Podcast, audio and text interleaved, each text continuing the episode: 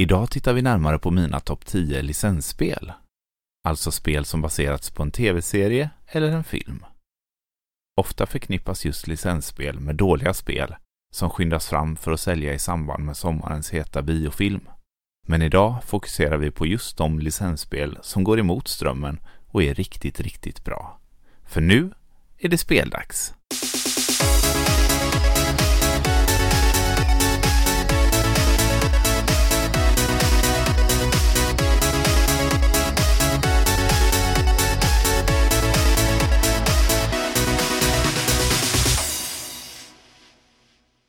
Licensspel har funnits nästan lika länge som vi har kunnat köpa tv-spel och har sedan början förknippats med låg standard, snabbt framskyndade spel som säljs för att förknippas med film eller serie, snarare än god kvalitet och spelglädje. Tidiga exempel på detta är det idag ökända E.T. till Atari 2600 som efter bara fem veckors utveckling stressades fram för att säljas i samband med filmpremiären under julen 1982.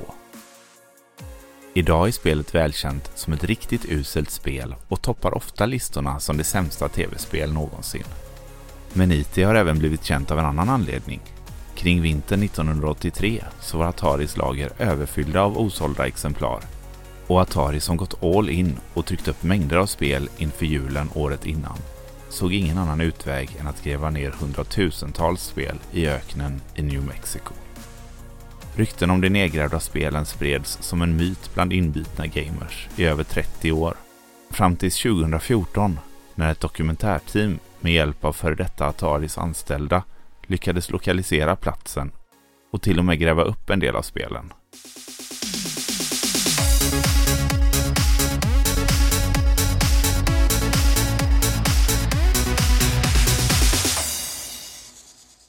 Under 80 och 90-talet när tv-spel tack vare främst Nintendo, blev en given del av vår popkultur blommade licenstitlar återigen upp. Men med skillnaden att många faktiskt höll riktigt hög kvalitet. Vissa var till och med riktigt, riktigt bra. Rädslan att skapa ett nytt IT fanns fortfarande kvar hos licensägarna, så man var mer noga med att spelen skulle få utvecklas under längre tid och av kompetenta studios. Capcom, Sunsoft och Konami var några av jättarna inom tv-spelsutveckling under den här perioden och ansvarade för många av de licenstitlar som släpptes då. Men det fanns givetvis bottennapp. Jag minns själv att jag och en kompis under 90-talets mitt hyrde Cutthroat Island till Super Nintendo efter vi sett filmen och hoppades på en magisk upplevelse. Men den uteblev helt och vi tyckte att hela helgen var förstörd. Kring millennieskiftet kom 3D-animering på både film och spel igång på allvar. Och med den sjätte generationens konsoler, Nintendo GameCube, Xbox och framförallt Playstation 2 fick vi mängder av licenstitlar. Det kändes som att varje animerad film hade sin motsvarighet på tv-spelshyllan och kvalitetsstämpeln som byggts upp under 90-talet suddade sakta men säkert ut. Jag jobbade själv på Game under stora delar av den här tiden och minns tydligt hur jag försökte styra vilsna föräldrar att köpa Ratchet Clank eller något av Marios äventyr istället för det senaste Ice Age-spelet. Men det fanns såklart bra licensspel även under denna eran, även om de blev färre och ofta försvann i mängden. Där någonstans känns det som att vi har landat. För varje Spiderman-spel som får 10 av 10 kommer det ett gäng halvdana Paw Patrol-spel och en del av mig längtar tillbaka till de dagar när man behandlade sina karaktärer och titlar med lite mer vördnad än att bara dra in lite snabba stålar. I januari 2007 var jag med i tidningen Level under sektionen Spelsamlaren. Min nisch var just licensspel och jag visade med stolthet upp mina Turtles och Disney-spel som jag samlat på mig. Så idag, cirka 15 år senare, tycker jag verkligen att det är dags att prata om mina topp 10 licensspel.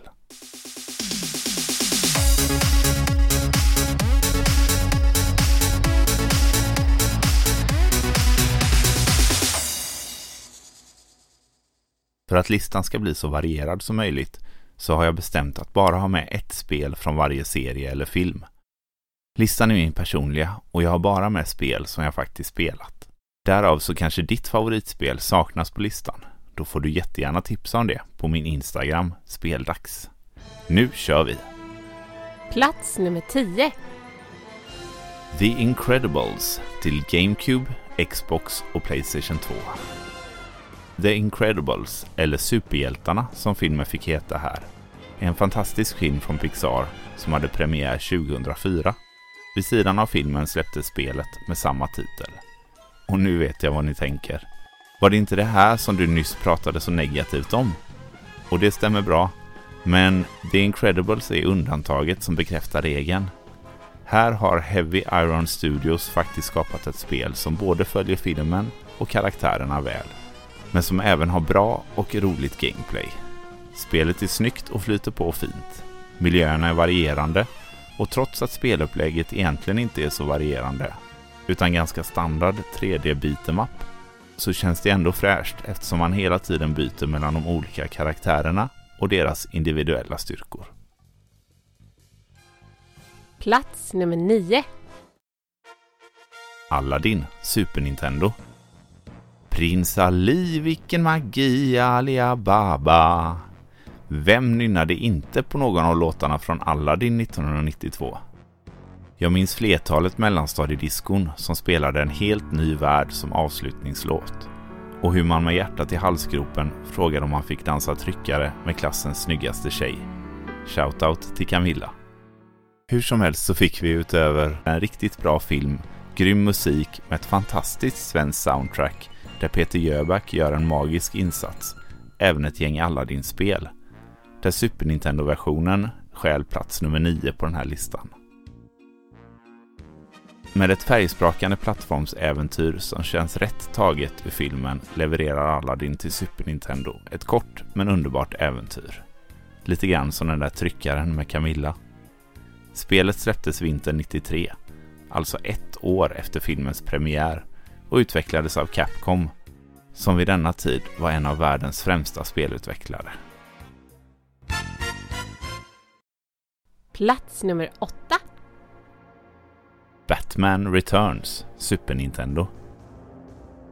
Batman Returns är uppföljaren till 1989s Batman, bägge av Tim Burton och med Michael Keaton i huvudrollen. Även denna film hade likt Aladdin premiär 92 och fick flera spel baserade på filmen. Återigen är det Super Nintendo-versionen som får ta plats här. Sega Mega Drive-versionen är nämligen ett helt annat spel utvecklat av en annan studio. Och även om likheterna är många så är det Super Nintendo-versionen som enligt mig är bäst. Spelet är ett klassiskt arkad i 2D-miljöer med snygga karaktärsmodeller och miljöer.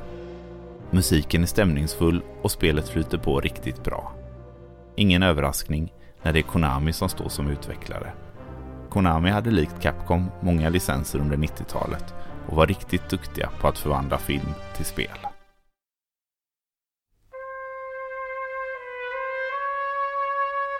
Plats nummer 7. The Godfather Black Hand Edition Nintendo Wii. Oftast släpps ett licensspel i samma veva som filmen gör premiär. Ibland kan det dröja några månader eller till och med ett år. Men i det här fallet dröjde det 34 år innan The Godfather från 1972 fick sitt spel. I The Godfather Black Hand Edition spelar vi som en karaktär som inte var med i filmen, nämligen Aldo Trapani.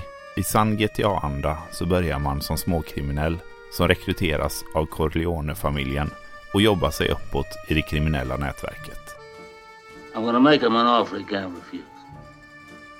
Med hjälp av flertalet skådespelare som gör om sina roller som röstskådespelare samt välskrivna dialoger och grymma cutscenes lyckas utvecklarna skapa ett spel där man verkligen känner sig hemma från filmen. Spelet lånar mycket inspiration från GTA-serien men är kanske lite mer linjärt och storydrivet än ett traditionellt så kallat sandlådespel. Wii-utgåvan av spelet skiljer sig, utöver lite viftande i fightscenerna, egentligen inte så mycket från varken Playstation 2 eller Xbox 360-versionen.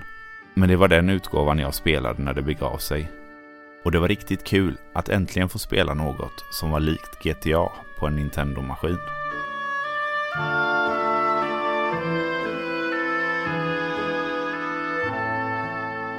Plats nummer 6.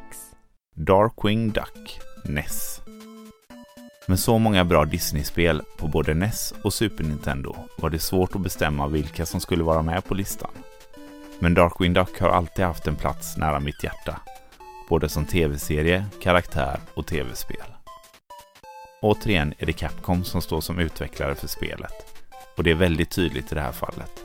Speldesignen är nästintill en Mega Man-klon, som också är ett Capcom-spel. Men med sin egna charm och stil. Bossfighterna är svåra, men inte omöjliga. Grafiken och musiken andas Disney-dags när det var som bäst. Och trots den begränsade 8-bits-grafiken så känns det som att jag spelar ett avsnitt med faran som lurar i natten.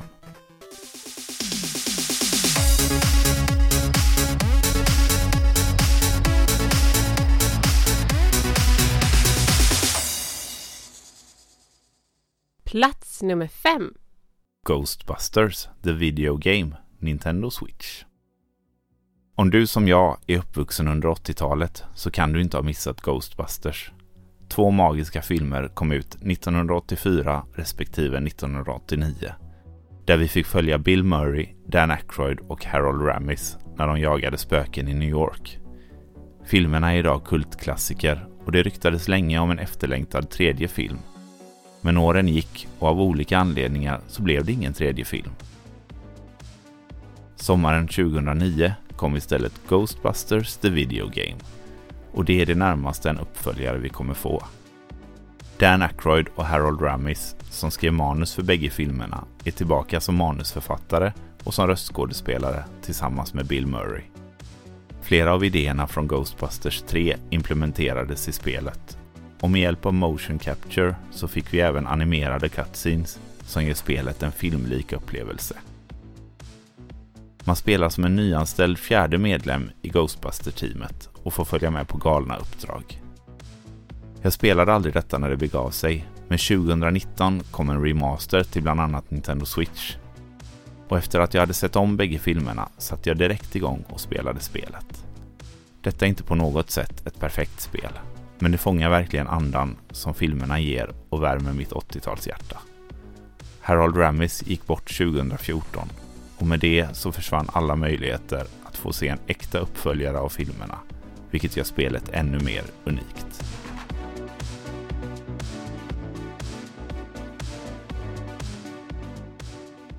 Plats nummer fyra. Simpsons Hit and Run Nintendo GameCube. Efter över 30 säsonger och fler än 20 tv-spel så är Simpsons-familjen en cementerad del av vår popkultur. Det finns flera bra spel som utspelar sig i Springfield, men det hittills bästa spelet släpptes hösten 2003 med Hit and Run. Likt Gudfadern är även detta en GTA-klon med en humoristisk vinkel på genren. Vi får följa familjen Simpsons i ett äventyr som utspelar sig över hela Springfield.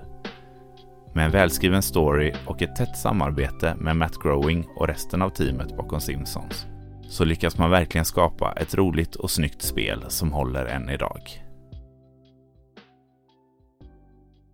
Plats nummer tre. Golden Eye, Nintendo 64. Golden Eye till Nintendo 64 är mer än ett lyckat licensspel. Det är faktiskt mer än ett lyckat spel. Det är revolutionerande.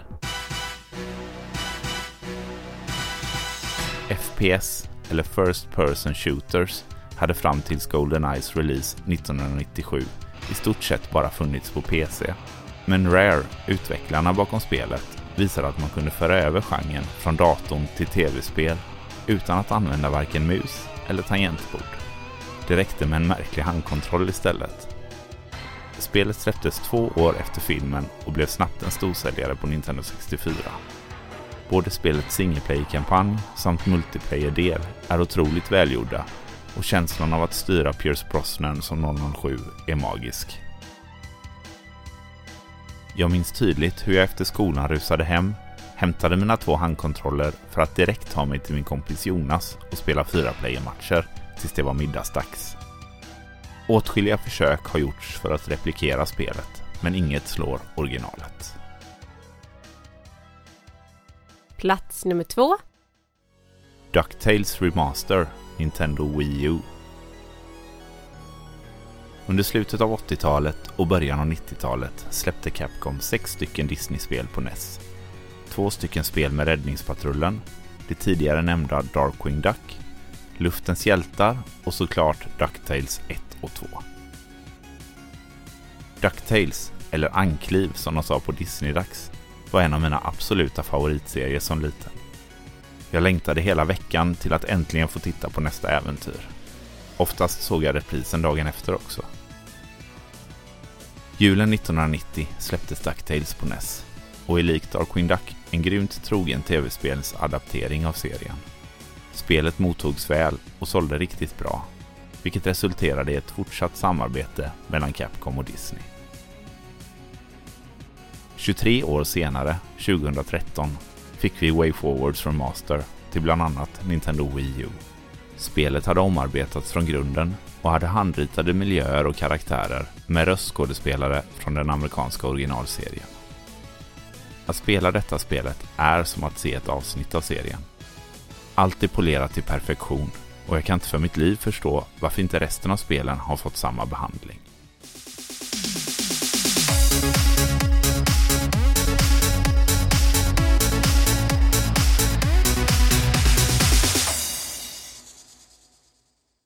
Innan vi avslöjar första platsen så vill jag passa på att nämna lite andra licensspel som är riktigt bra men inte tog sig upp på topp 10-listan.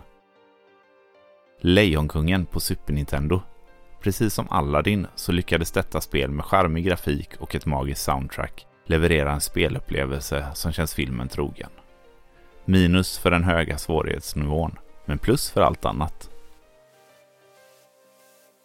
Scott Pilgrim vs. The World är ett retrodoftande beat'em up baserat på filmen med samma namn som hade premiär 2010. Med skärmiga karaktärer och ett större djup än de flesta beat'em ups bjuder på så tog det indievärlden med storm. Spelet var tidigare låst till Playstation 3s digitala shop men har nu fått nytt liv på bland annat Nintendo Switch. SpongeBob SquarePants Battle for Bikini Bottom släpptes på bland annat Nintendo GameCube 2003 och är en perfekt tidskapsel för den eran av charmiga 3D-plattformsspel som dominerade den första halvan av 00-talet. Spelet fick en remake 2020 på Nintendo Switch, men dessvärre så tycker jag att mycket av skärmen gick förlorad och jag spelar hellre det snart 20 år gamla originalet. Men nu... Plats nummer ett. Teenage Mutant Ninja Turtles 2 The Arcade Game NES. Ni som känner mig är nog föga förvånade att just ett Turtles-spel kammar hem första platsen. Från det att jag var 6 till 10 så var Turtles allt för mig. Jag missade inte ett avsnitt på TV, hade kläder med Turtles-motiv, lekte med actionfigurerna och spelade såklart spelen. Alltid som Donatello. Inför den här listan så valde jag fram och tillbaka mellan Turtles in Time på Super Nintendo och The Arcade Game på NES. Och även om jag nog egentligen tycker att In Time är det bättre spelet så är nostalgin till NES-spelet för stark och vann i slutändan. The Arcade Game släpptes på Nintendo 8-bitars 1990 och är som namnet antyder en portning av arkadspelet som gått varm på arkadhallar världen över. Spelet är ett klassiskt beat'em up där du går från höger till vänster och tar dig an ett antal fiender innan du kan fortsätta framåt. Varje bana avslutas med en bossfight. The Arcade Game utspelar sig på New Yorks gator och avloppssystem och välkända karaktärer från tv-serien dyker upp i varje hörn. Även miljöerna är tagna ur serien och det finns dessutom 8-bits animerade cutscenes. Alla dessa detaljer gör att spelet är serien trogen och samtidigt bjuder på mycket spelmagi. Jag har plöjt det här spelet i hundratals timmar med både vänner och framförallt med min lillebror. Och trots den höga svårighetsgraden så har det alltid känts givande och roligt. Att få vara en del av Turtles-gänget är en dröm som fortfarande lever kvar. Och när jag hör introlåten så förvandlas jag till den där sexåringen som älskade Turtles igen. Cowabunga!